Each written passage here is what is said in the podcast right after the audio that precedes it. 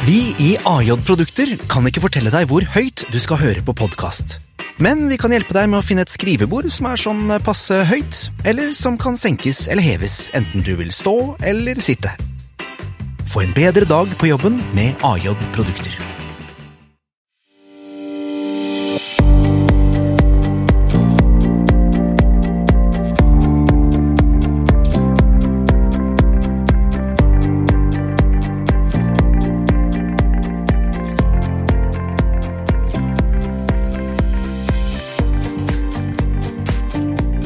Hei og velkommen til Skifters podkast. Ukens gjest har bygget et selskap fra innsiden Telenor, og nå er det i ferd med å bli solgt til Cisco for 1,5 milliarder kroner. Vi har med oss Erlend Prestegard, CEO og medgründer av Working Group 2. Velkommen, Erlend. Takk for det, hyggelig å være her. Um, du, rett på sak. Hva er Working Group 2? Working Group 2 er et selskap som uh, prøver å riste litt i en veldig tradisjonell industri, telekomindustrien og går inn i det som heter, kjernenettet, som er hjernen og motoren i ethvert mobilnett. Og bygger om det med moderne teknologivalg og moderne forretningsideer til å bli et slags operativsystem for mobilnett. Så vi bygger mobile kjernenett, men gjør det på en måte som skaper innovasjonskraft og besparelser for operatørene. Så et kjernenett, er det på en måte software-delen i uh, altså i et mobilnett? Kan du si. Så, tradisjonelt så har det vært en blanding av software og hardware, eh, men det er et slags operativsystem, kan du si. Så når du skrur på telefonen din, så er det masse som skjer i bakgrunnen. Du blir autentisert i nettet, du får lov til å gjøre visse ting. Du kan sende en melding, du kan ta en samtale, og du kobler deg til internett. All den logikken uh, som styrer det, det er i såkalte kjernenettet. Så det er det som ligger rett bak den basestasjonen du ser når du kjører bil. Mm. Derfra og bakover, og kobler til resten av verden, det er kjernenettet. Så kritisk infrastruktur, går det ned, så funker ikke telefonene. Og er det sånn at det er, er, er det sånn i mobilverden at du har et slags eh, Apple eh, OS og et PC, altså DOS, så på å si, eller OS, altså som er standardiserte? Ja, så det, så det er da eh, Måten industrien fungerer på, eh, det har litt med navnet vårt å gjøre også, er at man har da såkalte standardization bodies i, eh, i, industrien. Som definerer hvordan hver lille funksjon skal fungere i hver G. Eh, og som da gjør at alle bokser fra alle forskjellige leverandører skal fungere med hverandre. Mm. Når du sier G, hva betyr det? Eh, generasjon, altså 2G, 3G, 4G, 5G. Okay. Altså hver generasjon av, eh, av mobilteknologi, da. Hmm. Si. Og det er et sånt uh, fantastisk at det har fungert så godt som det har. Dette er jo kanskje verdens mest utbredte teknologi. Mm. Jeg tror det er det. Jeg tror mobilteknologi Jeg vet ikke om noen. altså ikke um, verken uh, jeg, jeg, tror ikke engang det er mennesker som Jeg tror det er flere mennesker som har mobiltelefon enn folk som kan lese. Mm. Jeg tror det er flere mennesker som har mobiltelefon enn folk som har toaletter. Ja. Eh, så det har fungert fantastisk, men industrien blir jo i økende grad forbikjørt av eh, teknologigiganter, vil jeg si, som har mer moderne infrastrukturer og mer moderne tankesett. Ja, for det de klarer å gjøre, er å bygge interessante tjenester på toppen som man kan tjene penger på. Er det det som er clouet? Det er jeg vil si, På en måte så er jo det resultatet. Uh, så jeg tror Dette er jo en kjempedebatt i industrien. Hvilken rolle skal operatørene ta? Er de nettselskaper, mm. eller er de innholdsleverandører? Mm. Eh, og så har jo industrien konvergert mot at de må ta innholdsposisjonen. Jeg tror det er kjempefeil. Jeg tror det er en, Da konkurrerer de med hele resten av verden eh, over natta. Eh, så jeg har hele tiden liksom jeg tenker på et selskap som heter Komoyo, f.eks. Komoyo, f.eks. Er jo, det er jo i stor grad opprinnelsen til vårt selskap. Mm. Uh, men det var jo å gå i strupen på Netflix. Ja, Så Komoyo var jo da Telenor sin uh, satsing, uh, nett, kall det Netflix-satsing. Ja. Hvor Hva var det, var det ikke Sven som er CTO i Schibsted nå? Sven var en stor del av det. Det var jo en, en, en, svær mengde med veldig flinke folk som var en del av det. Jeg var ikke en del av det, for å være tydelig. Eh, så jeg kan ikke alle historiene om Komoyo, men det var en ganske stor satsing. og De fikk tak i vanvittig mye flinke folk, men timing var vel litt krevende. Og så var det vel krevende at det ligger da i, i IP-laget, hvis vi skal mm. kalle det det, og, og, sånn sett konkurrere med alle andre tjenester i hele verden. Mm. Så jeg opplevde at de var fantastisk vellykket i forhold til å samle en absurd bra gjeng med, med produktfolk og teknologifolk. Og så var det jo en nesten umulig øvelse å vinne mot de de konkurrerte mot. Um, så det er jo restene av Komoyo som, som en del av restene som ble Working Group 2. Ja, og en del av restene ble Perin. Ethereum. Som nå er Whereby. Ja. Uh, men ok, det var en digresjon av min skyld, beklager. Um, så uh, du snakket om innholdssporet. Altså er man nett, altså en nettleverandør, eller er man en innholdsleverandør? Stemmer. Mm. Og ja, mobiloperatører er jo per definisjon så er det jo i hvert fall nettene. Mm. Og så kan de jo velge å ta innholdssporet eh, personlig, og her er det mange som er veldig uenige med meg. Så tror jeg at eh, jobben operatørene har, er jo å gjøre nettene eh, svært smarte, svært tilgjengelige og programmerbare, slik at andre kan manipulere de slik de ønsker til å gjøre det de trenger å gjøre. Og så er det eh, veldig mange som blir veldig trukket mot dette innholdssporet. For det, liksom, det kjennes at der Men herregud, alle tjener så mye penger der. Disse appene, liksom. Eh, og det er gått ganske mange milliarder av eh, dollar fra, fra operatører verden over som har kjøpt seg inn i de store, og som selger det unna sakte, men sikkert. Så jeg tror disse såkalte dumme nettene, de er ikke mye dumme. Det er ekstremt krevende supersmarte nett med mange, mange tusen ingeniører som har bygget. Og det å gjøre de enkle, programmerbare, tilgjengelige, kostnadseffektive, det er en gigautfordring. Mm. Og, og, det er jo det vi prøver å gjøre, eller har jobbet med i alle disse årene. Og noe jeg opplever operatører egentlig undervurderer som en verdiskapende effekt. Men er det et poeng at det, du, dere, gjør det, dere, dere, gjør det, mulig at det kan operere på tvers liksom, av, av, ulike nett? Er ikke det et poeng? Det er en av tingene. at Litt avhengig av hvordan du regner, da, så er det kanskje 700 operatører i verden. Så de 700 operatørene har jo da gått til alle leverandørene. Og når jeg sier operatører, så mener jeg da Telenor, Telia, disse som du kjenner. De går da til et sett av leverandører.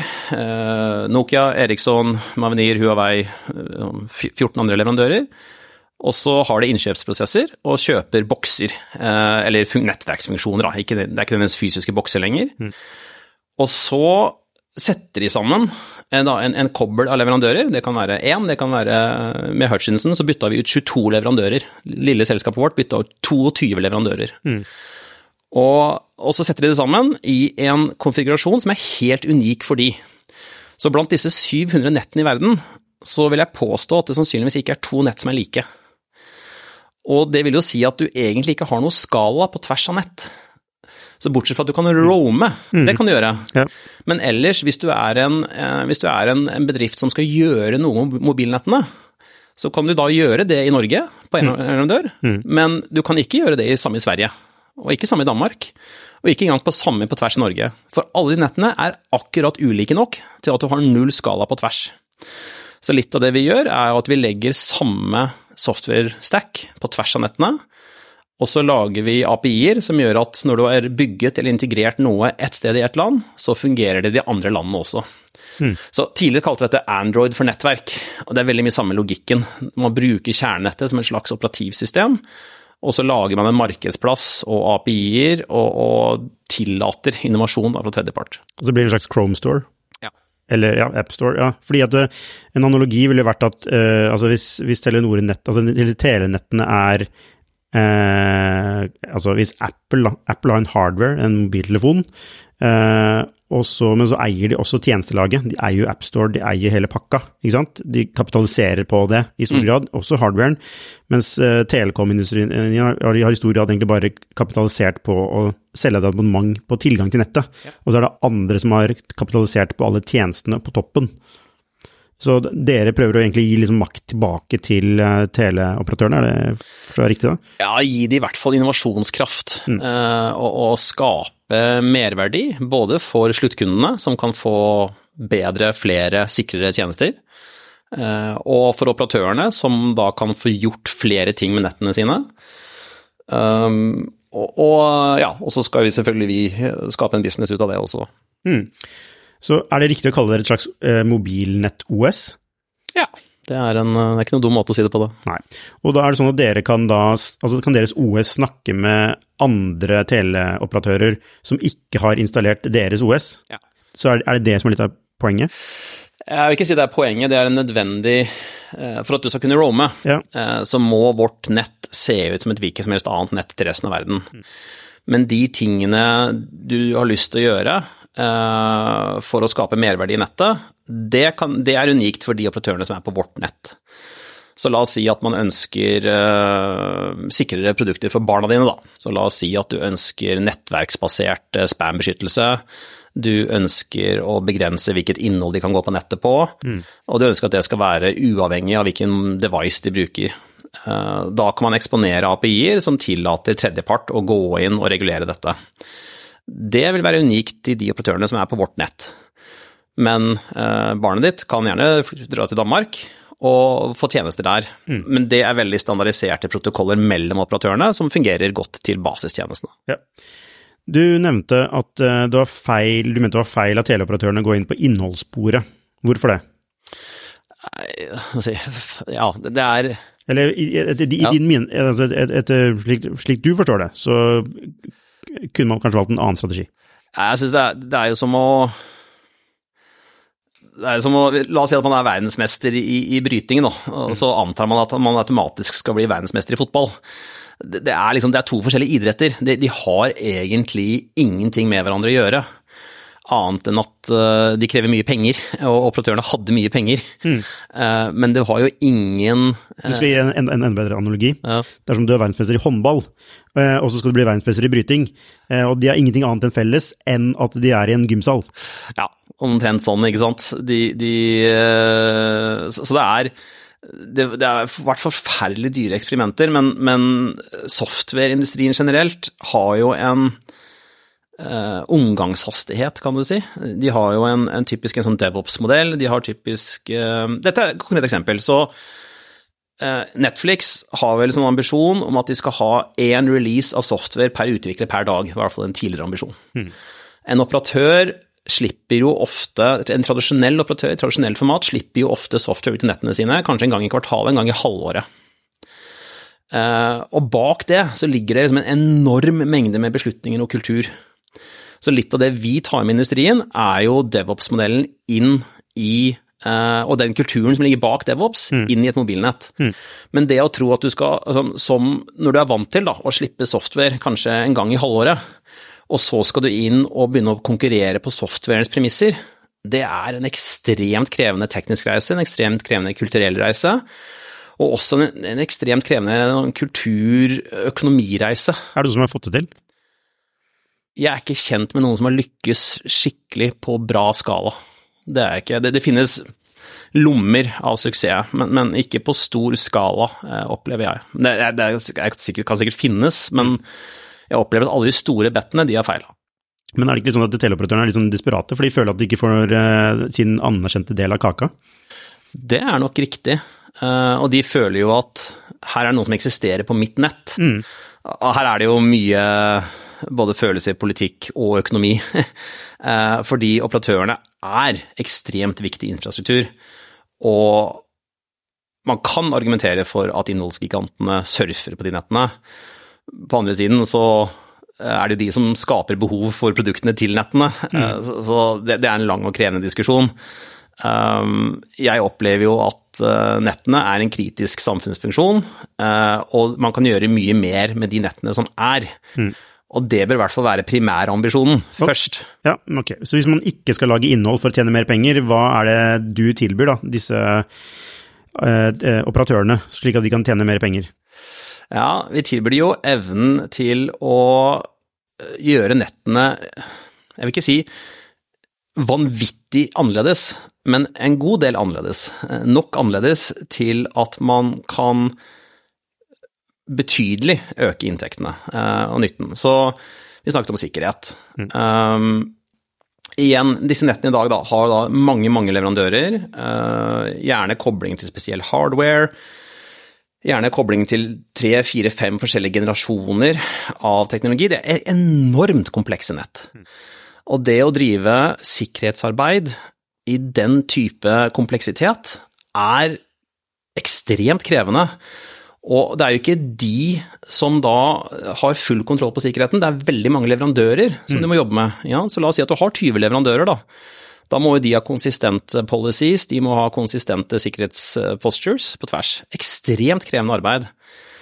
Og den kostnaden og den øh, kreftene da, det tar å drive sikkerhet i det, er liksom ekstremt krevende. Det kan gjøres mye enklere og bedre, er vår påstand, da, som et eksempel. Da kan du ha mm. litt sikrere nett. Mm. Og da kan f.eks. en, en IT-avdeling hos en bedrift kan få tilgang til nettene til liksom, selve nettene bak telefonene til folk. Da trenger de kanskje ikke å installere apper på alle telefonene. Mm. Da kan de få tilgang bak i nettene, se mer hva som skjer, overvåke hva som skjer, og bedre sikkerheten. Som et eksempel på det. Sette et slags filter, da. For eksempel. På et, altså et dypere nivå. Ja. Nettverksnivå istedenfor mm. bare på devicen, ikke sant. Ja. Så egentlig så har dere et verdiforslag både til, altså, til altså, Eh, det er flere verdiforslag dere har, da, eh, slik jeg forstår det. Altså, Én ting er jo å redusere kompleksitet internt hos en telekomoperatør, slik at man er i stand til å kunne tilby tjenester. Uh, og så er det jo da, uh, som egentlig bare er sånn en effektiviseringsgreie i seg selv, altså som de tjener penger på i, bare ved å gjøre. Uh, og så er det jo det å altså Når man er i stand til det, så kan man jo lage Altså tilby tjenester på toppen av det. Og nå er det jo jant, veldig mye hype om 5G, mm. og det er veldig mye hype om bedriftsnett. Jant, man, man, kan ha private nett og alt det her. Det er også ting man kan jobbe med, da, og, og gjøre det lettere for bedrifter å ta i bruk de teknologiene. Så hva er forretningsmodellen deres? Er det en slags lisensiering på antall, antall enheter i nettet, eller hvordan fungerer det? Veldig grovt forklart, eller sånn gjennomsnittsmodellen, kan du si, det er en, en software as a service-modell hvor man betaler per SIM-kort. Nettopp. Eh, og hva, hvor mye da? ja, det varierer eh, enormt mye, eh, avhengig av både hva slags SIM-kort du har. Mm. Så for, eksempel så er det jo en del sånne såkalte Internet of Things eller IOT-SIM-kort. De har jo mm. lite trafikk, har ofte veldig store volumer. Mm. De kan være ganske billige. Og så har du da smarttelefoner eller du vet ekstremt krevende video-SIM-kort og sånn, som, mm. som, som, drar veldig mye trafikk, så de vil være noe høyere. men fra titalls øre til kroner per eh, SIM-kort per måned, kan du si, sånn veldig grovt forklart. Nettopp. Og kan du dele hvor mye dere har tjent så langt? Uh, ikke, du kan bare gå i årsrapportene. Vi er på titalls millioner kroner i turnover. Ja, og er det da recurring uh... Det er primært recurring revenue. Ja, for dere er ikke sånn dere konsulent Nei, vi er overhodet ikke konsulenthus. Nei. Eh, det vi også har, er at vi har eh, Når et nytt nett aktiveres, mm. så gjøres det en integrasjonsjobb. Mm. Eh, det gjør det. Ja. Men, men, den desidert største delen av inntektene våre er recurring SAS-revenue. Ja, Bare litt tilbake til teknologien. 5G. Altså, mye, altså, jeg vet fortsatt ikke hva 5G kan gjøre for meg. Hva, som, hva du som er industriekspert, hvorfor er 5G bra? 5G er, eh, jeg vil si, litt sånn ironisk er, 5G er viktig i det mm. store, lange løp, men mm. egentlig ikke viktig for deg som konsument i dag, Nei, okay. Eh, vil jeg påstå. Så det er 5G eh, gjør det mulig å sende mer data gjennom nettene med mindre latency, kalles det. Altså mindre tid fra Forsinkelse. Forsinkelse, ja. Takk. um, det er sånn jeg opplever 5G. Eh, fordi man bruker litt annerledes spektrum, og så har man blitt litt mer effektiv i å bruke spektrum, altså radiobølger. Eh, og så har du Så radio for meg, for det første, det er svart magi. Det er bare helt magisk hvordan mobilnettene, de fysiske mobilnettene fungerer. Ja. 5G eh, tillater deg bare å bruke litt annerledes spektrum, få litt mer effektivitet ut av radiobåndene og mindre forsinkelse. Og det spiller for deg i dag ingen praktisk rolle, men i det store bildet så er det viktig å hele tiden bli mer og mer effektiv i mm. nettene, fordi folk bruker de mer og mer. Eh, og for å, å få mindre og mindre forsinkelse, for da kan du bruke det til flere og flere ting. Mm. Men for en vanlig konsument så er forskjellen på 4G eller 4G pluss eller hva nå enn du bruker, og 5G, den er eh, tilforlatelig liten. Ok, takk for oppklaringen, for det var det jeg tenkte jeg også, men jeg visste ikke. Så da, ja.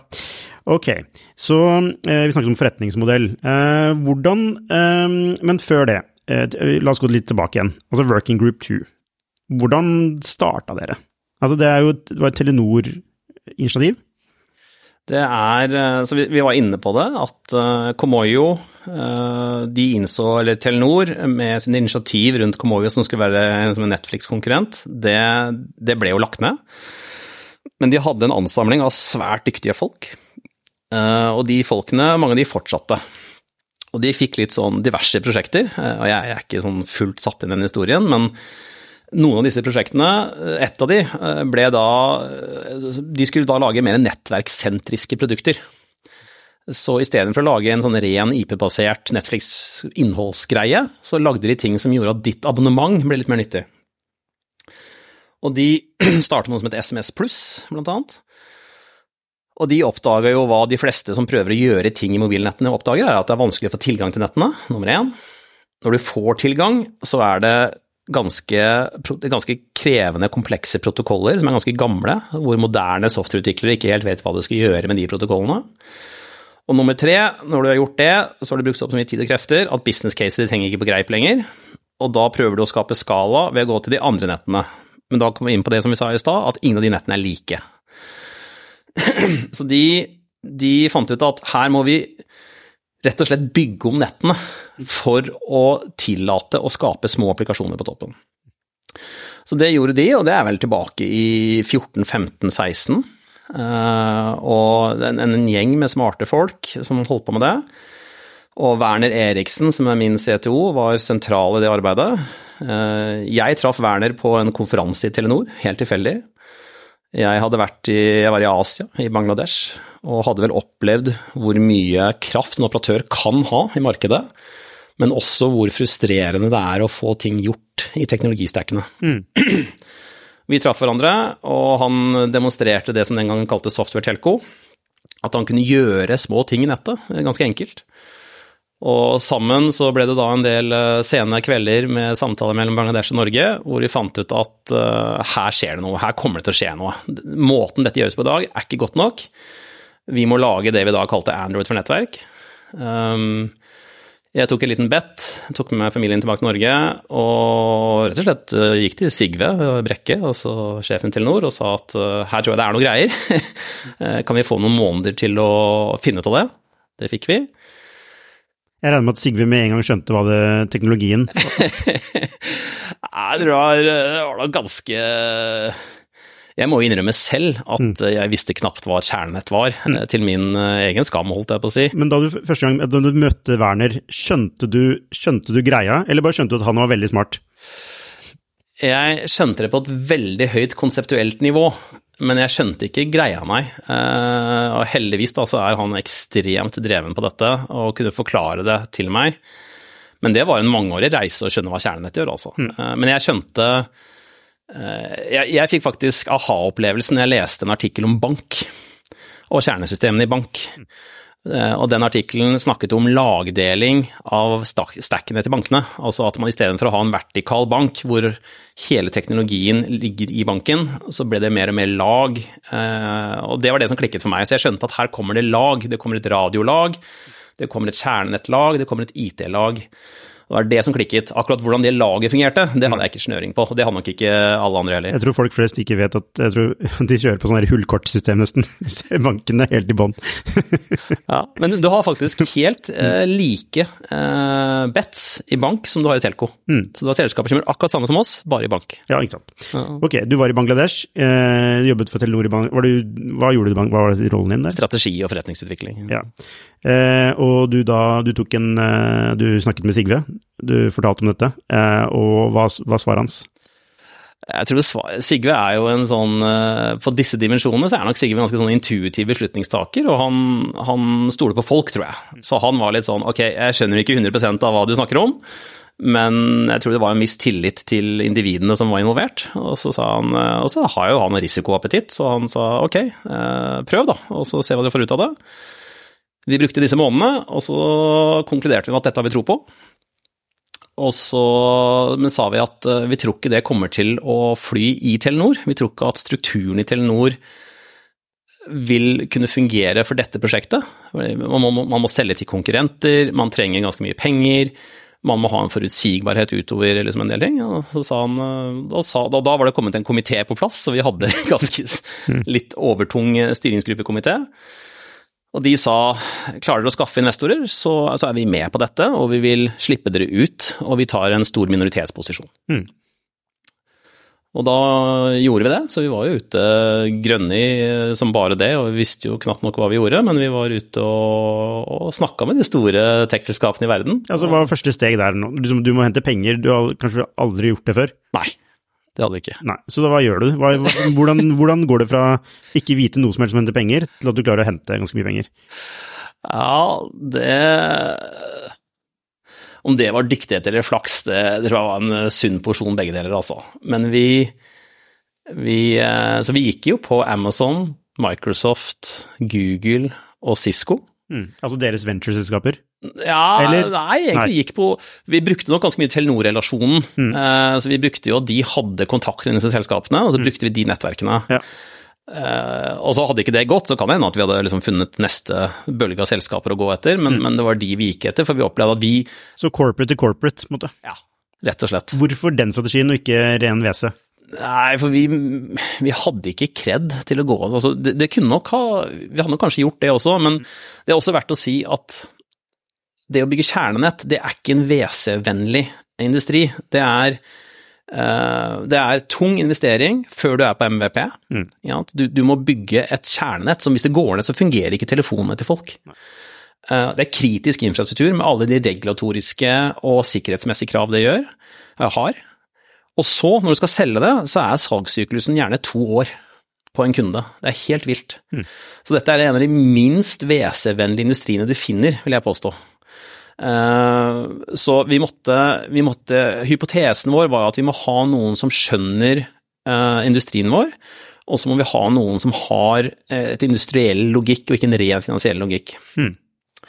Og så traff vi da Cisco, og Cisco sa ja, vi kjøper mange av hypotesene dine, men det er liksom litt for, litt for, lite for de å ta corporate, og da ga de det til et fond som de jobber tett med, som, som investerer i litt sånn tunge løp. Da. Mye, mye skulle hente deg første runden?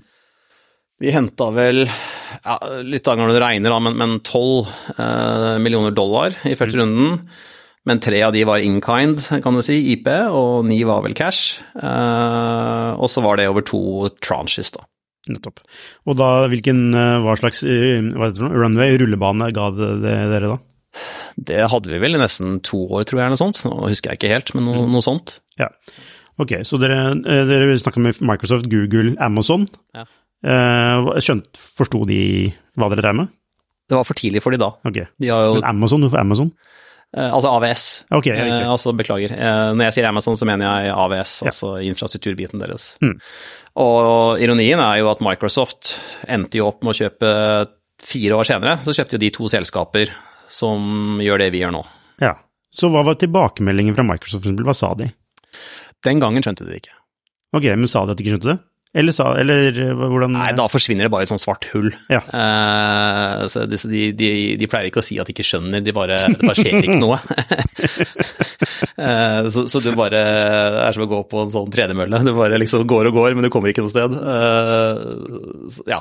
ja. Og det er mange mailer, og ja, skjer det noe? Ja, ja og så når mailene tar en uke å få til, så skjønner du at liksom, her skjer det ikke noe. Nei, ikke sant. Ok, så da går Cisco inn gjennom deres investering. Altså, de har et slags lite fond, da? Ja, ja, og det, det, fondet er uavhengig fra Cisco, men de har tett samarbeid med de. Okay. Eh, og det er eh, blant annet sjefen der er eh, eks-Cisco, så de har en tett relasjon, og de valgte da å gå inn. Ja, nettopp. Og da, så vidt jeg husker, så, var det, så eide da Telenor 47% ja, ish. Og jeg tror jeg skrev, jeg skrev, jeg skrev første artikkelen om dere, ja. husker jeg. Eller sånn i skifter, i hvert fall.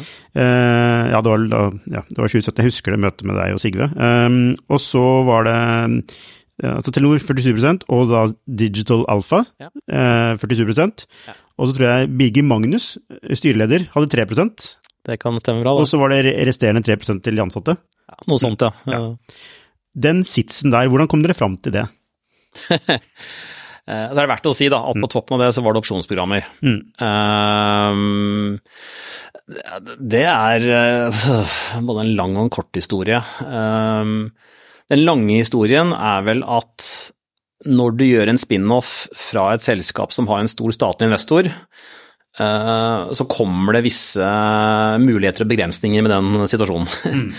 Eh, og begrensningene er at eh, det blir aldri en sånn WC-aktig dynamikk, på godt og på vondt.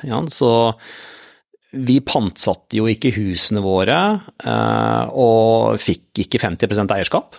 Det er så, så, si, Oppsiden er at vi måtte ikke pantsette husene våre. Vi fikk lønn på en måte, og, og tok vi tok risiko. Vi investerte egne penger, gikk ned i lønn mm. og tok jo Sov dårlig i mange år. Og sover fortsatt dårlig delvis, men, men, men tok eh, liksom Vi tok ikke den der ekstreme, stereotypiske Ikke all in, ikke all in sånn finansiell risiko. Mm. Eh, men på andre siden så fikk vi da også, da fikk vi også begrenset eierskap og begrenset oppside. Ja. Um, og så kan man ja, argumentere for den trade-offen og hvordan den er sånn, men det er, jeg vil si at det var en resultat av eiersituasjonen som gjorde at man fikk inn PE og selskap som, som, som, gjorde at det var interessant, men heller ikke ekstremt. Så det ble en sånn litt sånn sosialdemokratisk eh, startup, ja. Eh, kan du si. Ja. Eh, ja. Mm. ja um, hva, altså den, hva, har, hva satt du igjen med etter den der prosessen med funding? Altså, hva, hva lærte du av det? Ja Den Kanskje si Vi har vært gjennom flere fundingrunder. Mm. Uh, og den første runden, den, den var uh, Det er jo individer Jeg tror den store læringen fra alle fundingrundene er du må finne de som passer deg. Mm.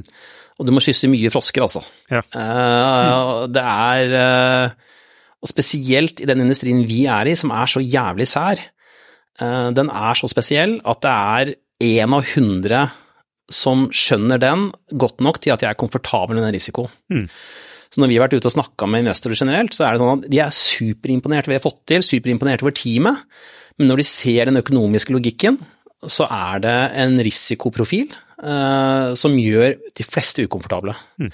Så da må du ha noen som kjenner industrien så godt at de kjører ok, her er det en megatrend som kommer, og så må de være komfortable. Og Det har vært den generelle trenden, at du, du må være litt heldig, og så må du snakke med mange, og ikke bruke for mye tid med de fleste. Eh, det er vel den store. I den spesifikk tidlige første prosessen, det var mye flaks, altså. Mm. At, eh, at, vi traff riktige personer i Cisco som var villige til å gjøre det her, at fondet var villig til å gå inn.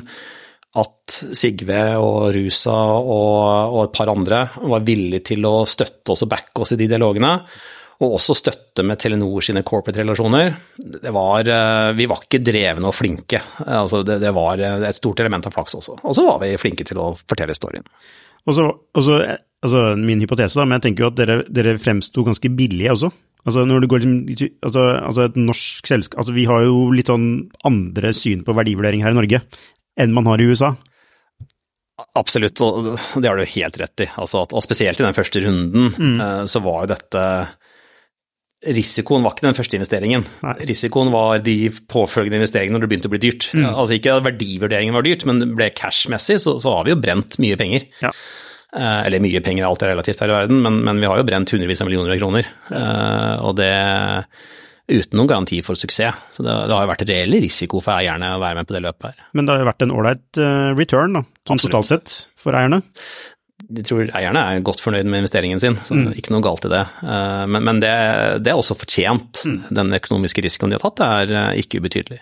Så hvis du skulle starte en ny startup eh, og uthente penger, så ville du fokusert på å identifisere de rette investorene?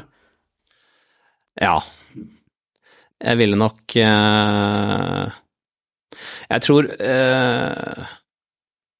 det, er, det, finnes sikkert noen sånne magiske Jeg er ikke noe funding-ekspert jeg er ikke mm. noe i det hele tatt. Men det jeg vet fra vår reise, eh, som, jeg, som, som sagt, den er en jævla rar industri, eh, det er at ja, du må finne de som passer deg. Mm. Det er ikke sånn at du skal passe alle. Det er ikke din jobb å tilpasse deg fondene. Du må finne de fondene som liker det du holder på med. Mm. Eh, og det er en ekstremt krevende reise å prøve å forandre fondenes logikk mange av de fondene vi har truffet, er jo sånn jeg har den og den metricen på salg til EBITDA eller vekst. De har sånne helt litt sånn jeg vil nesten si tullete uh, ratios, mm. og er du ikke på de, så er det ikke interessant. Og da vil jeg si for selskap som oss, ja, men det er ikke de som er interessante heller, uh, fordi da blir det bare feil. Mm. Da, da, da, det kan kanskje være greit for en consumer app som har en dynamikk som ligner veldig på mange andre, men for, for denne type selskaper så var det aldri riktig, altså. Nei. Um, du hadde jo Da du jobbet i, Bangladesh, strategi, uh, var det strategi og forretningsutvikling, hadde du, hadde du en omfattende ledererfaring? Uh, ja, omfattende, kanskje å overvurdere. Uh, jeg, jo, jeg er en av de få blårussene til selskapet. Det er jo forferdelig med ingeniører, og det er jeg veldig glad for. Og vi har bygget veldig sånn ingeniørkultur rundt det, med, veldig bevisst. Men um, jeg, altså jeg, er jo banker og konsulent, mm. uh, og jobbet i Aspiro, uh, som drev med Vimp, blant annet. Så de første Det er også vel Telenor uh, involvert på en måte, var det ikke? Ikke mens jeg var der, var men Skipsted eh, var uh, tungt involvert. Var ikke Vimp involvert i Nei, ikke Telenor involvert, involvert i Vimp? De var kunde av Vimp, okay, ikke investor. Okay. Men Skipsted var tungt involvert i Vimp. Ja. Mm. Uh, Tidal, som det nå heter. Ja. da har vi jo Gunnar Sellegg og Gunnar Sellegg er også en del av historien til dette selskapet. På hvilken måte da? han var i Telenor når de eksperiment, tidlige eksperimentene, så var mm. Gunnar Sellegg en del av Telenor Digital som mm. drev det. Ja. Eh, så han har også vært med og også var med i en tidlig fase, sånn på sin måte. Hmm. Så Tidal eh, Han godeste Andy Chen, ja. han, var han en av de som kom da inn? Han kom inn rett etter jeg slutta, ja. ja. Eh, så jeg jobba for Gunnar. Mm. Jeg var egentlig CFO i Aspiro, eh, så gruppen. Mm. Og hadde vel egentlig som primæroppdrag å selge unna det vi ikke skulle holde på med, altså de gamle ringetonetjenester og sånne ting. Eh, og egentlig fokusere på TV og musikkstreaming. Ja. Og så gjorde vi det relativt raskt, og så gikk jeg inn som kommersiell direktør i det som da het Wimp, nå Tidal, eh, og jobbet med det en stund. Uh, inntil vi hadde litt aha-øyeblikk en, en, sen kveld hvor vi satt oss opp på gratismodellen til Spotify og skjønte mm. at musikkstreaming ikke var et produktgame, men et funding game. Mm. Uh, og da skjønte vi at uh, ja, ok, det Hvordan er den følelsen av å skjønne at man er fucked? ja, det var litt sånn Jeg husker jeg husker jeg satt rett oppi gata her og bare satt på Excel-modellen, og så bare så jeg Altså, vi satt og modellerte hva koster gratismodell. Uh, og så ganget vi opp da med antall brukere du hadde tenkt å ha, så så vi liksom milliardene å tikke. Steike, liksom. For all diskusjonen var jo på produkt og feature ja, ja. og sånn, og så bare skjønte jeg Men det har jo ingen altså, Selvfølgelig har det noe med det å gjøre, men, men den som vinner, er den som har mest cash. Mm. Og så skjønte du at uh, ja, det å gå til Skipsstedet og liksom be om fem milliarder kroner til en musikkstreaming, det kommer jo ikke til å skje, liksom. Så man skjønte at ok, enten så gjør man da en bet på eller Enten så er man så glad i musikken og produktet mm. at man gjør det liksom av, av, kjærlighet til det, mm. eller så gjør man noe annet. Og jeg hadde signa opp på det for å prøve å liksom lage noe stort og globalt, og skjønte at uh, det blir det ikke. Og det er nok andre som var bedre egnet til den jobben jeg var. Kjartan Slette og ja, Thomas uh, Valle, ja. eh, altså disse gutta i Unokast, ja, var de også inni der? De var tungt inne der, så Thomas var vel i teamet mitt, faktisk. Ja, nettopp. Og Kjartan var jo i ledergruppen på innhold. Ja, nettopp. Ok, så, men eh, ja, historien til Vimp var at det ble solgt eh, til eh, JC og, og, Tidal, eh, som er det nye navnet. Um, har det liksom har, er det liv, altså Hva tenker du om fremtiden til Tidal? Jeg tror de har jo De har vel Jeg skulle ønske eller Jeg tror Tidal har nok en, jeg tror de har en fremtid. Eh, de, de har vel prøvd å posisjonere seg, og delvis lykkes med det, som en, som en mer artistvennlig og som en high end tjeneste av Spotify osv. Nå så jeg Pål Bråtelund, som var liksom lydguruen der. Ja. Han hadde en kommentar på Facebook for en dag at de har skrudd av eh, skrudd på feil liksom, lydkvalitet på et eller annet vis, og han var veldig misfornøyd. Eh, så jeg vet ikke, men eh, jeg tror Tidal har en fremtid, og Spotify trenger konkurrenter. Det jeg skulle ønske de gjorde i stedet, det var å bli ta en steget enda nærmere artistene. Hmm.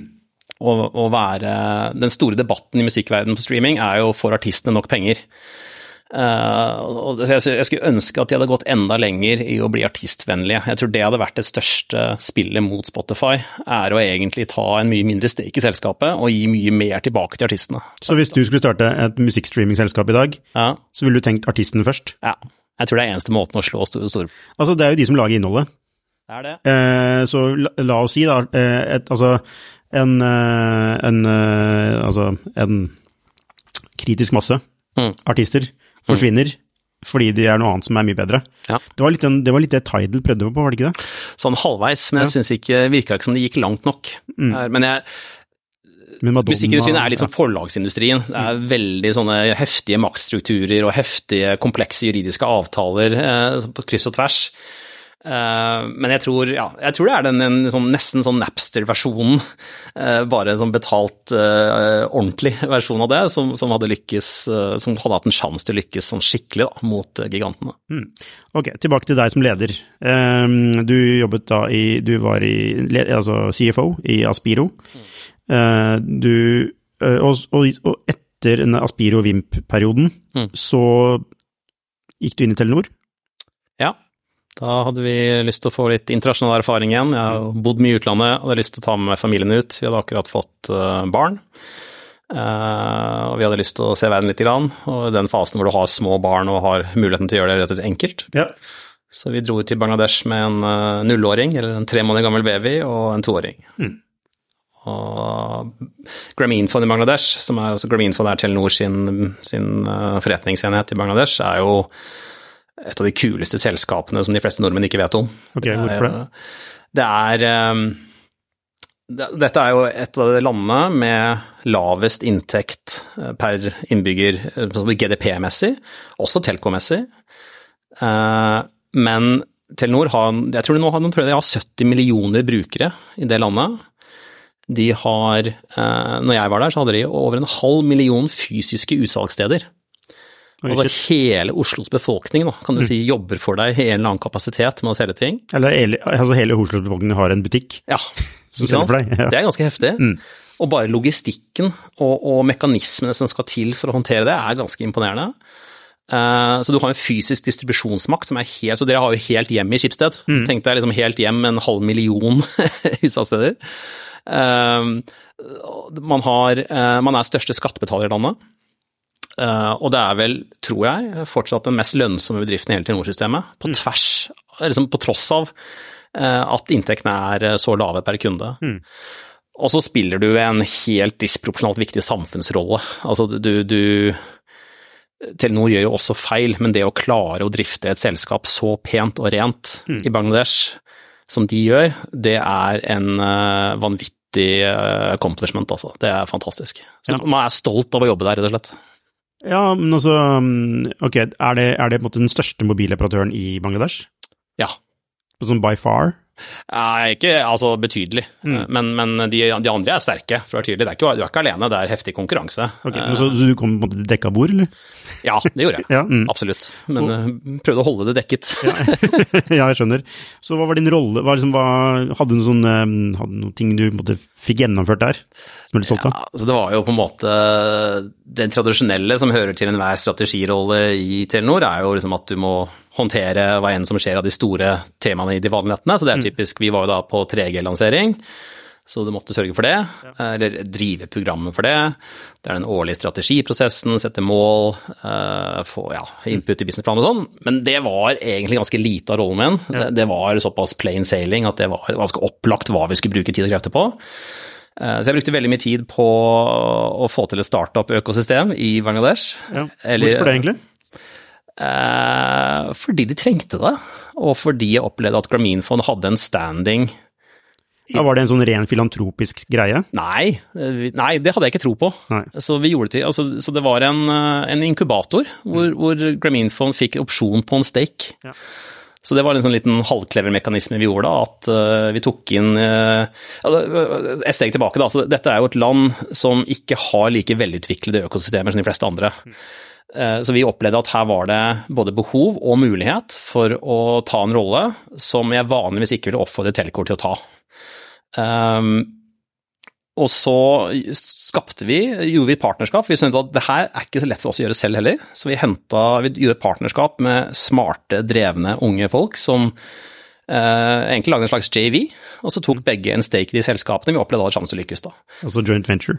En slags JV, JV. Jeg, jeg tror ikke den var formelt en JV, men, men, men ja, i praksis. Så de drev den med støtte fra oss, eh, for jeg hadde mer tro på at de hadde den driven som skulle til for å gjøre det. Ok, så dette her, så med dette som bakgrunn, så møter du, du møter eh, Werner ja. eh, og, blir, og, blir, såpass tent at du vil tilbake til Norge og jobbe videre med dette. Sigurd sier ok. Du blir leder for uh, Working Group 2. Uh, var du den perfekte lederen fra dag én? Nei, det tror jeg Nei, uff. Hva har du lært om det å være leder? Ja, det er mye tung læring, altså. Uh, for det første så har jeg jo hatt i Werner uh, en uh, utrolig sterk motpol. så vi er nok uvanlig komplementerende til hverandre. så Werner hater jo alt som heter admin og, og liksom det å bare komme videre. Mm. Det er ikke hans idé, altså han hater det. Han er mer en sånn kunstner, og du er en, du er en strukt, sånn strukturperson? Ja, Litt grann sånn, ja. Mm. Så han er en han er en svært flink teknolog. Han, han leser teknologisk dype temaer og klarer å, å, å tegne en kurs. Mm. Og han er, han er jo noe eldre enn meg også, jobbet i industrien hele sitt liv. Eh, skjønner hva som kommer til å funke om ti år. Og så har han alltid vært litt tidlig ute. Mm. Dette er vel kanskje den gangen hvor han virkelig er med å dra det helt ut, men han har jo i sin karriere så har liksom gjort alt det som blir stort senere. Um, men så, så er, han er en dypttenker som liker å fokusere på få temaer over tid, og er ekstremt disiplinert på det.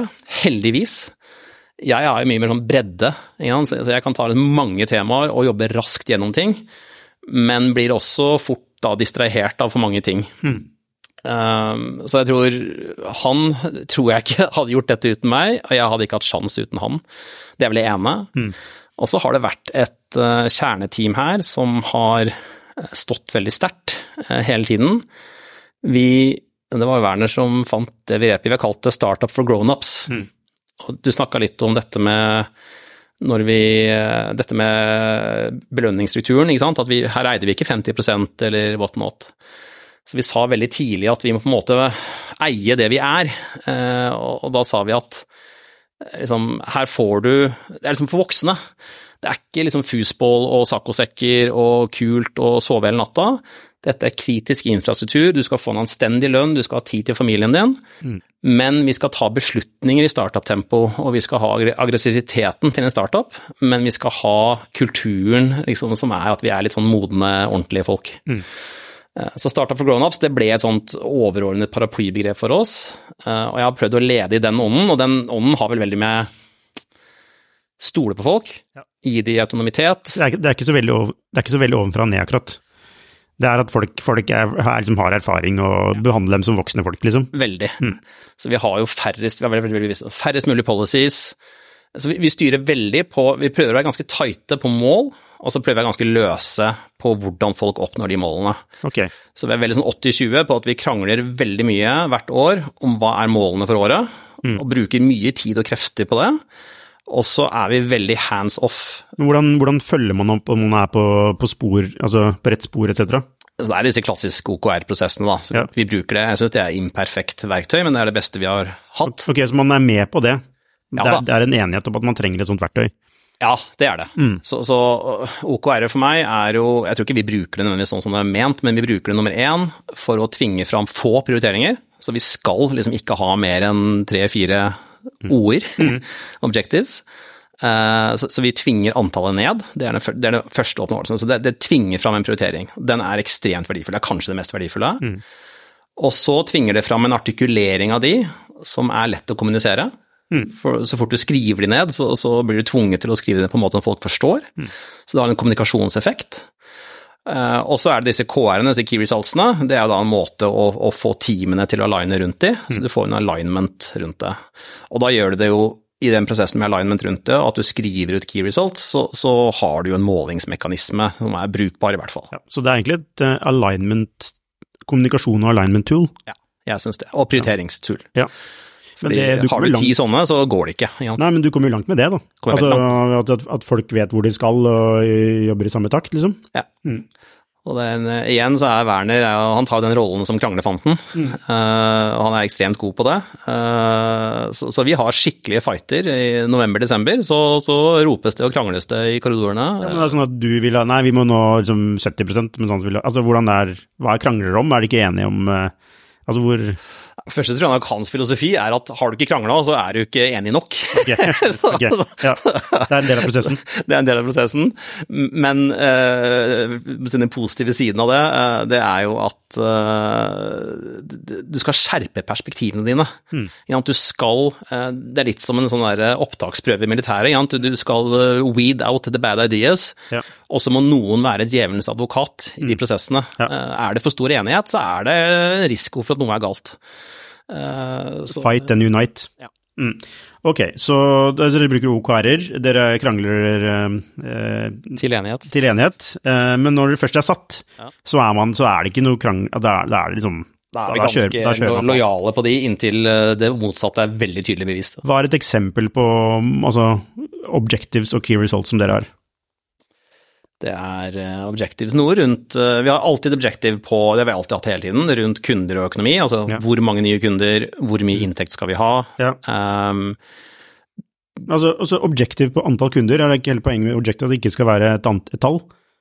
Jo, ok, så vi har uh, Her kommer det inn i OKR-diskusjonen, og det blir en veldig sånn filosofidiskusjon. Men vi har hatt perioder vi har sagt at uh, vi skal ha en run rate som gir investorene våre tillit, eller noe sånt, men det mm. blir litt sånn halvtullete også. Ja. Uh, så vi har uh, ofte så har vi sagt på objective-nivå så har vi ofte satt et konkret tall på, mm. på, revenue. Ja. Generelt så skal det ligge i key results, det er helt enig med deg, men, men vi har kompromittert oss litt på det. Ja, ok. Så ok, dere har et revenue-mål? Ja, typisk et revenue eller kundemål. Mm. Vi har typisk noe rundt uh, driftssikkerhet, mm. uh, driftsøkonomi. Mm. Uh, det har vært ekstremt viktig. Vi har ofte hatt noe på team, og ja. teambygging, og, og, hva slags team vi ønsker. Mm. så det er liksom de opplagte tingene. Det er ikke noe, liksom, det er ikke noe veldig fancy, det. og så er det da ofte noe utvikling av ny funksjonalitet i nettet. Mm. Vi bygger jo mange av våre konkurrenter bruker jo hundrevis og tusenvis av ingeniører. Mm. Det vi har gjort med titalls. Ja. Og det krever jo at du tar veldig heftig teknologivalg for å klare å gjøre det de gjør, på, mm. med mye mindre folk.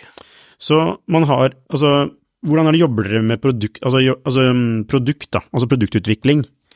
Er det noe som man blir enige om i denne årlige greia, og så, man, så, så bygger man den funksjonen? Eller hvordan øh, ja, det er et godt spørsmål. og her er, det, her er vi litt sånn rar industri, fordi du kan jo si at basiskjernenettet det er i stor grad definert av verden utenfor oss. Nettopp fordi du skal fungere med alle andre verdens nett, så er på en måte hvilke funksjoner du skal ha, og hvordan de skal se ut utenfra, det er definert for deg. Så i de fire-fem første årene så har det vært en catch-up på at vi skal bare bygge det de andre har, mm. så fort og så effektivt som mulig, og så sikkert som mulig. Uh, så, så, så, og det har vært litt rart, fordi vi har jo produktfolk som er sånn ordentlige produktfolk som egentlig har lyst til å gå og spørre kundene. Ja, ikke sant. Men, men, men, det er sånn, sånn, ja, men kundene vet nesten ikke, de skal bare ha det til å funke, liksom. Og, og, industrien har definert hvordan det skal fungere. Ja, ja. Uh, når det er sagt, så har jo vi da denne plattformen på toppen av oss denne økosystemet, denne appstoren, mm. der driver vi veldig tradisjonelt produktarbeid og går i intervjuer og har UX og designere og holder på. Eh, så der har vi litt sånn splitta personlighet. At mm. i kjernenettet så handler det veldig mye om hvordan løse det, mm. ikke så mye om hva. Litt om hva, men, men veldig mye om, om, hvordan og hvilken rekkefølge har det vært mye krangling om. Uh, og så på toppen av plattformen så er det nybrottsarbeid med, med veldig sånn tradisjonelt produktarbeid, vil jeg si. Ja. ja. Jeg fikk egentlig ikke, når jeg tenker på det, jeg fikk egentlig ikke noe godt svar fra deg. Hva har du lært om ledelse? Jeg har eh, Det første for meg er ledelse jeg er litt, sånn, jeg er litt allergisk mot spørsmålet. jeg skjønner det. uh, og, og jeg, jeg, har hørt en del av podkasten også, og jeg synes at folk har ofte veldig sånne enkle, gode svar på det. Og jeg har funnet ut at vet vet hva, det har jeg ikke lyst til å ha. Så jeg tror det første svaret mitt er at jeg opplever ledelse som ekstremt kontekstuelt. Ah, interessant. Uh, så jeg opplever at en god leder er ikke en god leder i alle sammenhenger. Uh, og selv om det er noen fellesnevner i min lederstil, så er, opplever jeg at den lederen du er når du er fem stykker i en viss situasjon, den er helt annerledes enn når du er 50 og helt annerledes enn når du er 90. Mm. Og det er en helt annen ledelse når vi har kriser, eh, og når vi har incidents, og, når det liksom er krig, mm. og når det er rolig hverdag. Eh, så jeg opplever at folk er liksom altfor generiske om ledelse, og at ledelse er veldig veldig kontekstuelt. Og jeg var en helt annen leder når jeg var i McKinsey, når jeg var i Aspiro, når vi var i Telenor, og når jeg er nå. Ok, Hvordan var det annerledes nå, da enn nå? Jeg tror det er Mer tradisjonell, hierarkisk? Ja, jeg vil si Når du er i Bangladesh, så er det jo det er en bedrift med tusenvis av ansatte. Mm. Uh, du Ja, du, det er mye mer gitte vilkår og rammer. Mm. Så, så det, det, er mye tenkning og strategitenkning som skal inn i det. Ikke så mye people-ledelse. Mm. Uh, og da er det én type leder.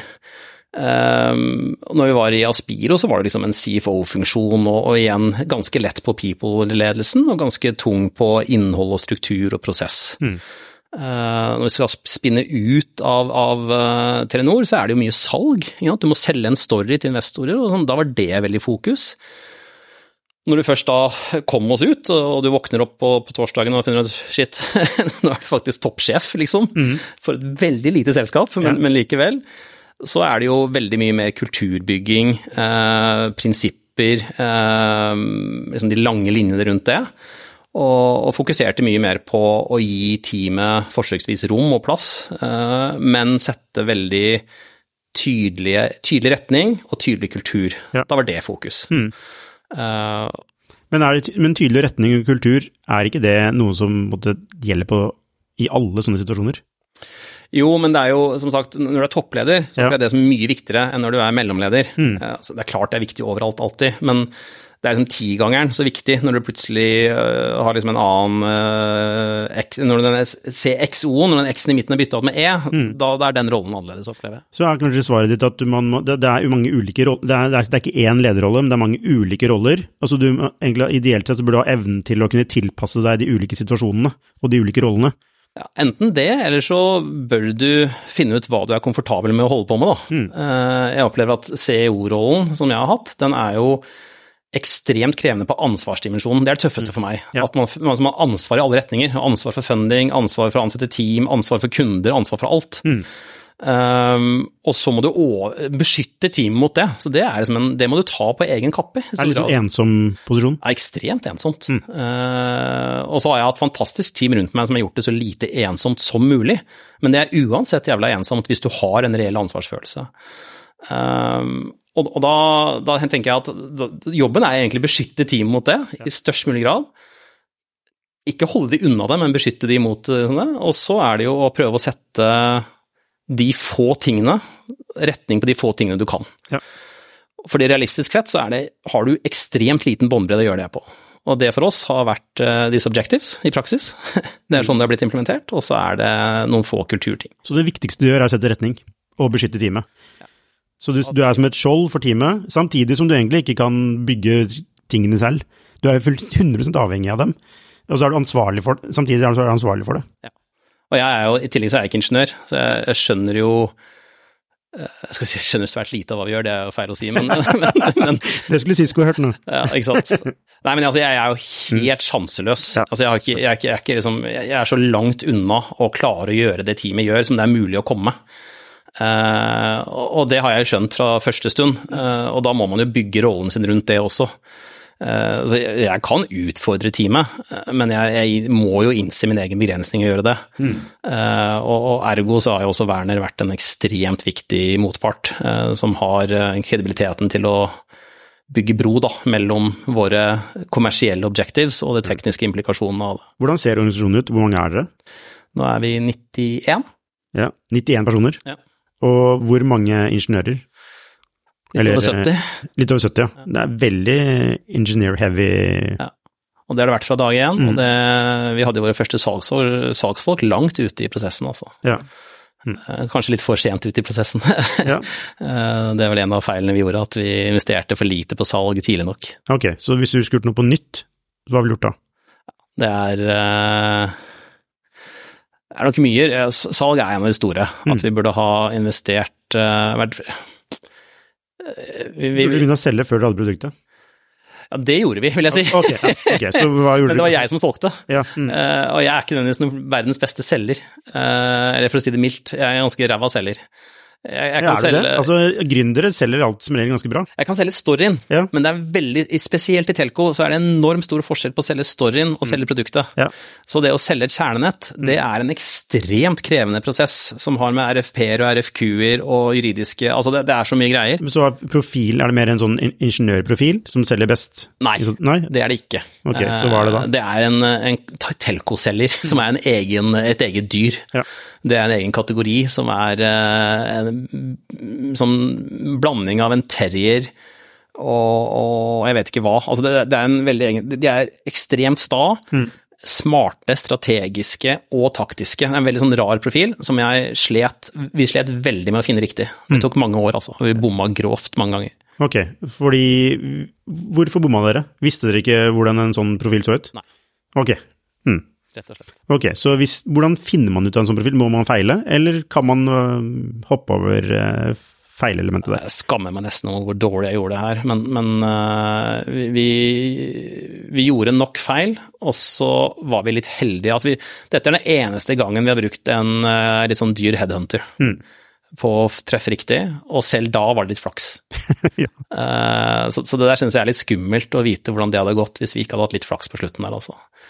Så, så der burde jeg ha brukt mye mer tid, mye tidligere, på å gå inn og forstå den profilen og treffe flinke folk for å tegne meg et bilde av det. Og det gjorde jeg ekstremt dårlig. Det er ledersvikt på Så du må egentlig først og fremst finne ut av what great looks like. Ja, rett og slett. På den. Hvis man er helt blank, som jeg var, så må du gjøre det også. Og det gjorde jeg ikke godt nok. Jeg trodde jeg hadde en vag idé, men det hadde jeg ikke. Jeg tror ikke du er den eneste som har gjort det, for å si det sånn. Eh, Men det, det, det er jo interessant dette med rekruttering, da. ikke sant? Hvor viktig det er, og hvor, hvor skadelidende man er ved å bli, altså ved å, eller man blir ved å rekruttere feil. Og, og det er jo liksom ironien her, for jeg syns vi egentlig har vært veldig flinke på å bygge team generelt. Og, og spesielt på ingeniører. Så vi, den funksjonen vi overinvesterte i, vil jeg si, fra dag én, det har vært HR og people. Så vi har Victoria som er en del av teamet mitt. Hun har tidligere vært en del av det, det var noe før henne også. men vi har jo, hatt, vi har jo to interne rekrutterere, vi, som driver bare med rekruttering.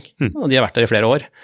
Og det er det ikke mange små bedrifter som starta tidlig. Så kulturbygging og rekruttering, det var det vi vil si vi gjorde riktig. I stor grad vi gjorde feil der òg, men, men det har vi fått stort sett veldig bra til. Ja, så fordi det, det er veldig mange som har slitt med å rekruttere utviklere, men det har ikke dere.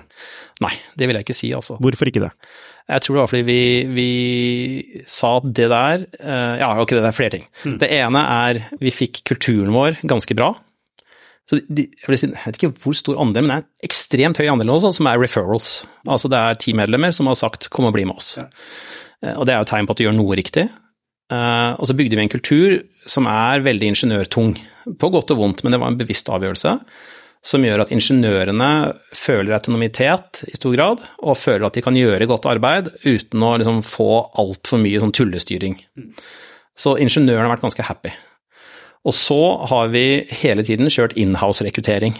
Så vi har hatt proffe rekrutterere som er flinke til å proaktivt nå ut til rekrutterere. Og så har vi rekruttert over hele verden. Vi har folk i 16 land, og fra over 20 nasjonaliteter. Det er litt teamet vårt. Ok, så dere er, er dere remote? Veldig. Ja, sånn 100% remote? Ja. Så man kan, eh, har du kontor, har du kontor i det hele tatt? Vi har kontor i Oslo, Trondheim, Stockholm, litt sånn halvveis i Japan. Og vi har eh, som sagt folk i Canada, Japan eh, ja, og 14 andre land i verden. Hvordan bygge kultur når det er sånn remote? Ja, og her er kanskje ett råd til alle, og det er gjør enten-eller. Men ikke gjør det halvveis. Ikke hybrid? Ikke hybrid. Nei, jeg er enig. Eh, Så, så, så enten så er det på kontoret, og for å være helt ærlig, vi skulle jo ønske at vi kunne være på kontoret. Det er bedre å være på ett kontor, men vi hadde aldri sjans i verden på å finne alle de folkene vi skulle ha på et kontor i Oslo. Det kunne man glemme. Eh, Så vi har tatt liksom den hiten, det gjorde vi fra dag én, og rekruttert globalt, og da betyr det at alle prosesser, all kommunikasjon, alt har vært lagt opp til at ingen er fysisk på samme sted fra dag én. Og det tror jeg er mye bedre. Dere er jo også til og med forskjellige tidssoner. Veldig. Altså, Så- vi er jo 18 forskjellige tidssoner. Altså, vi er jo altså, hvordan, eh, når møtes dere? Når er det sånn tidspunktet man møtes? Ja, det var jo skifter liksom byrden fram og tilbake, da. Eh, og vi får jo ikke med oss alle alltid, det er bare å innrømme. Så det blir jo en del opptak og tjo og hei. Når du har Canada i ene enden og USA i andre enden, så, så, så går det jo bare ikke. Men Hvordan sikre at folk er motivert når de bare sitter på et eh, hjemmekontor? Ja, veldig mye igjen, da. Veldig mye med autonomitet å gjøre. Så mm. Tydelig retning, og så stor grad av, av autonomitet. Men er det noe accountability?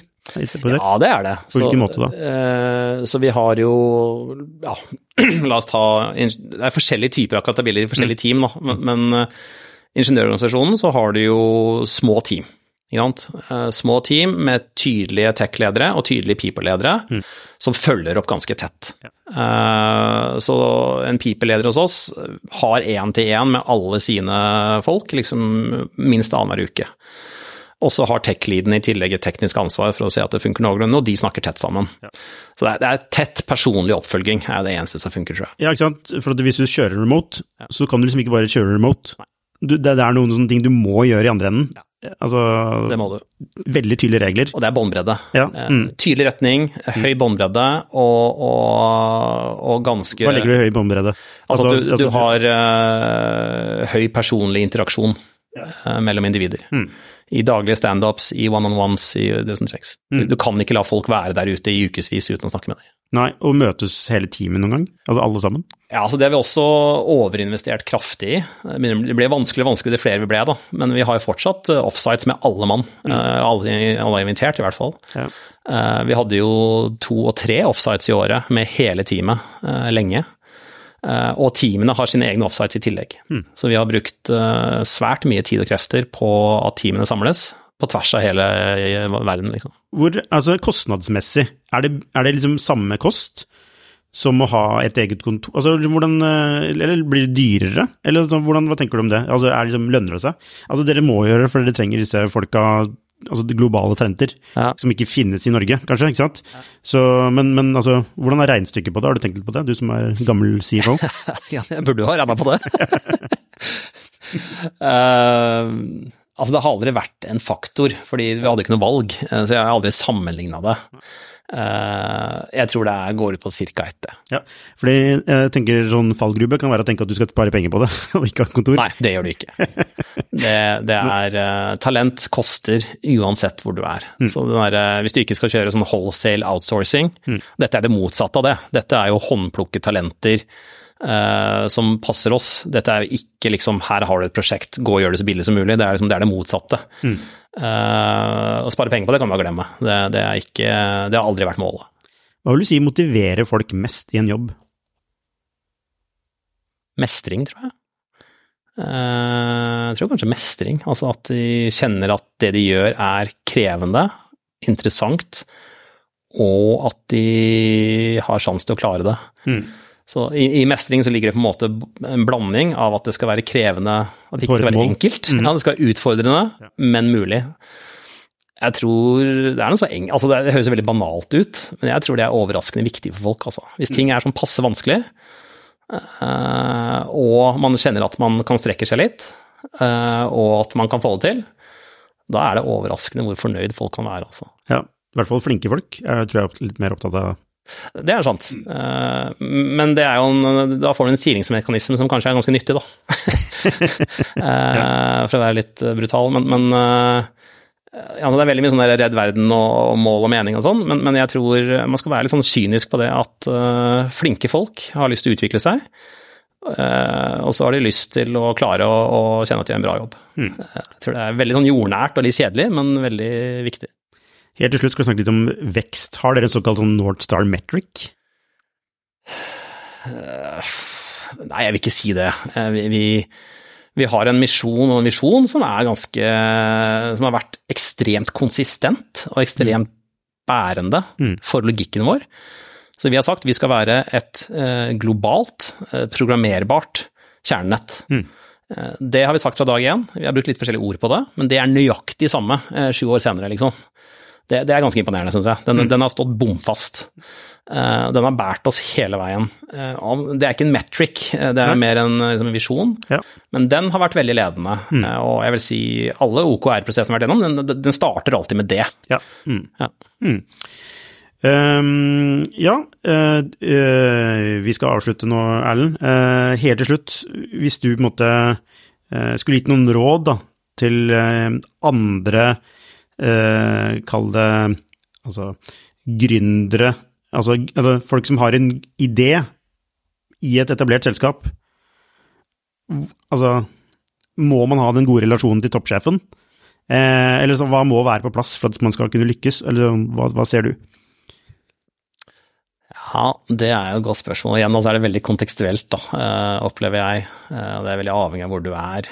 Men jeg tenker, skaff deg noe Du må ha allierte på et eller annet vis, ikke sant. Om det er medgründeren din, eller om det er toppsjefen, det, det kan jo stå sin prøve. Men jeg tror disse reisene er I nesten alle tilfeller så er de ekstremt krevende, og du kommer neppe til å ha lyst til å gjøre den på egen hånd. Det er vel det største rådet. Så skaff deg allierte både sånn på daglig basis, eh, nummer én, og som eiere og mentorer og sponsorer nummer to. Mm. Fordi det blir mye tøffere enn du tror. Eh, det er beintøft å stå i, og du trenger all den hjelpen du kan få. Og du må ha en direkte linje til toppen? Ja, jeg tror, i hvert fall hvis du skal bruke såpass mye penger som vi har gjort, så må du ha ganske seniorstøtte, ja. Men det er veldig avhengig av selskapet igjen. Men når du brenner Når du skal bygge noe sånt som vi har gjort, så må du ha tung støtte. Mm. For det er veldig mange som begynner nedenfra og tenker at og liksom, Folk må jo bare skjønne at dette er veldig kult. Ja. altså, det er mange som har jobba seg i hjel i etablerte selskaper uten å ha den støtten ovenfra. Hvis du ikke har forankring, så Ja, det tror jeg nok. Men det, jeg er enig med det, altså. Du må ha, i hvert fall hvis du skal gjøre noe litt ambisiøst, som tar litt tid og penger, så, så må du ha toppstøtte. Hvis ikke så er det ikke noe poeng i, altså. Mm. Veien videre for Working Group 2 nå. Dere skal inn i Cisco. Eh, frykter du det? Nei, jeg frykter ikke. Jeg tror det blir bra. Ok, For å stille spørsmål på en annen måte. Hva ser du frem til, og hva frykter du? det blir jo mer corporate, mm. det, er jo, det er ikke tvil om det. Så litt av den der deilige uavhengigheten og kunne ta kjappe beslutninger, den, mm. den blir borte, det sier seg selv. Det jeg gleder meg til, er det største problemet vi har hatt, er at noen skal kjøpe et kjernenett fra en liten startup. Mm. Det er en mismatch. Det er kritisk infrastruktur, det er ikke noe du tuller med. Og de store bedriftene i verden, som er våre kunder, de har alltid nølt med at vi er så lite små at det er vanskelig for dem. Mm. Så det å ha et brandname i ryggen som Cisco, mm. det gjør at vi faktisk kan bli denne globale plattformen fem til ti år raskere enn vi ellers hadde gjort. Og det blir jævlig kult. Ja. Erlend eh, Pressgaard, tusen takk. Masse lykke til videre med Working Group 2, eh, som nå kanskje ikke heter det snart. Eh, man vet ikke. Uh, du, jo, helt til slutt. Hvorfor Working Group 2? Det er veldig merkelig navn. Ja, det er en litt sånn kul historie fra Norge var jo veldig frempå på det som gikk på å definere mobilstandarden. Og dette er tilbake på 80-tallet. Så var det en sånn herlig komité som skulle bestemme den nye GSM-standarden. Eh, det er en lang historie, jeg skal prøve å ta den korte versjonen. Eh, men da hadde jo no, Finnen hadde Nokia, svenskene hadde Eriksson, franskmennene hadde Alcatel, tyskerne hadde Siemens. Så dette ble jo en sånn deilig europeisk eh, cluster, eh, hvor hvert land hadde sin geopolitiske kjempet for sin standard, da, for sine modeller for hvordan ting skal gjøres. Norge hadde jo ikke dette. Vi hadde ikke noen stor uh, greie. Men vi hadde et par smarte karer fra Telenor og et par fra Sintef. Televerket. Televerket den gangen, helt riktig. Eh, og de, eh, de satt nå og kåla rundt da, eh, og holdt på. Og vi har et sånt fantastisk bilde av han ene som står med en ryggsekk med en sånn der snurretelefon som vi hadde i gamle dager. vet du. Mm. Så de, de, holdt på i norske daler, og, og, de så på modulasjonen av radiobølger. Det er svart for magi for meg, jeg vet ikke hva det er, men de, de hadde da algoritmer for hvordan radiobølger skulle fungere. Eh, så, de var, jeg tror det var fire eller seks stykker. Bitte lite team. Og de holdt på, han står der i anorakken sin med sekken sin med en sånn megaserver på ryggen og tusler rundt i norske fjellheimen, liksom. Det er bare så ikonisk. Men lang historie kort, da. Så dette her ble en gigantprosess. Ingen klarte å bli enige. Så bestemte denne komiteen seg, istedenfor at denne komiteen bestemmer, så tar vi to dager i Paris. Eh, alle får en bil. Den bilen skal kjøre samme rute for alle mann. Og den teknologien som funker best, det blir standarden. Mm. Og da kom jo alle inn med privatjetene sine og store vogner. Nordmennene liksom fløy vel ned på, på en SAS-rute og, og, satte seg i en eller annen liten bil. Og så var det da norske algoritmer som fungerte best, og de ble standarden. Så jeg tror inspirasjonen vi tok er at eh, noen få dedikerte mennesker kan skape stor forskjell i bransjen her med litt commitment. Men de, kalt, de het kanskje Working Group 2? De var da i den eh, arbeidsgruppen som definerte det, og det var Working Group 2. ja, stemmer. Tusen takk, Erlend. Fin eh, historie på slutten der. Og igjen, masse lykke til videre med Working Group. Hei, hvis du likte denne episoden, så abonner på den, og gi den gjerne en femstjerners rating med dine tanker. Hvis du er interessert i temaene vi tar opp på denne podkasten, så anbefaler jeg deg å gå inn på skifter.no, og hvis du mener vi fortjener det, så kan du gjerne støtte oss ved å abonnere på Skifter. Takk for at du hørte på, så ses vi neste uke.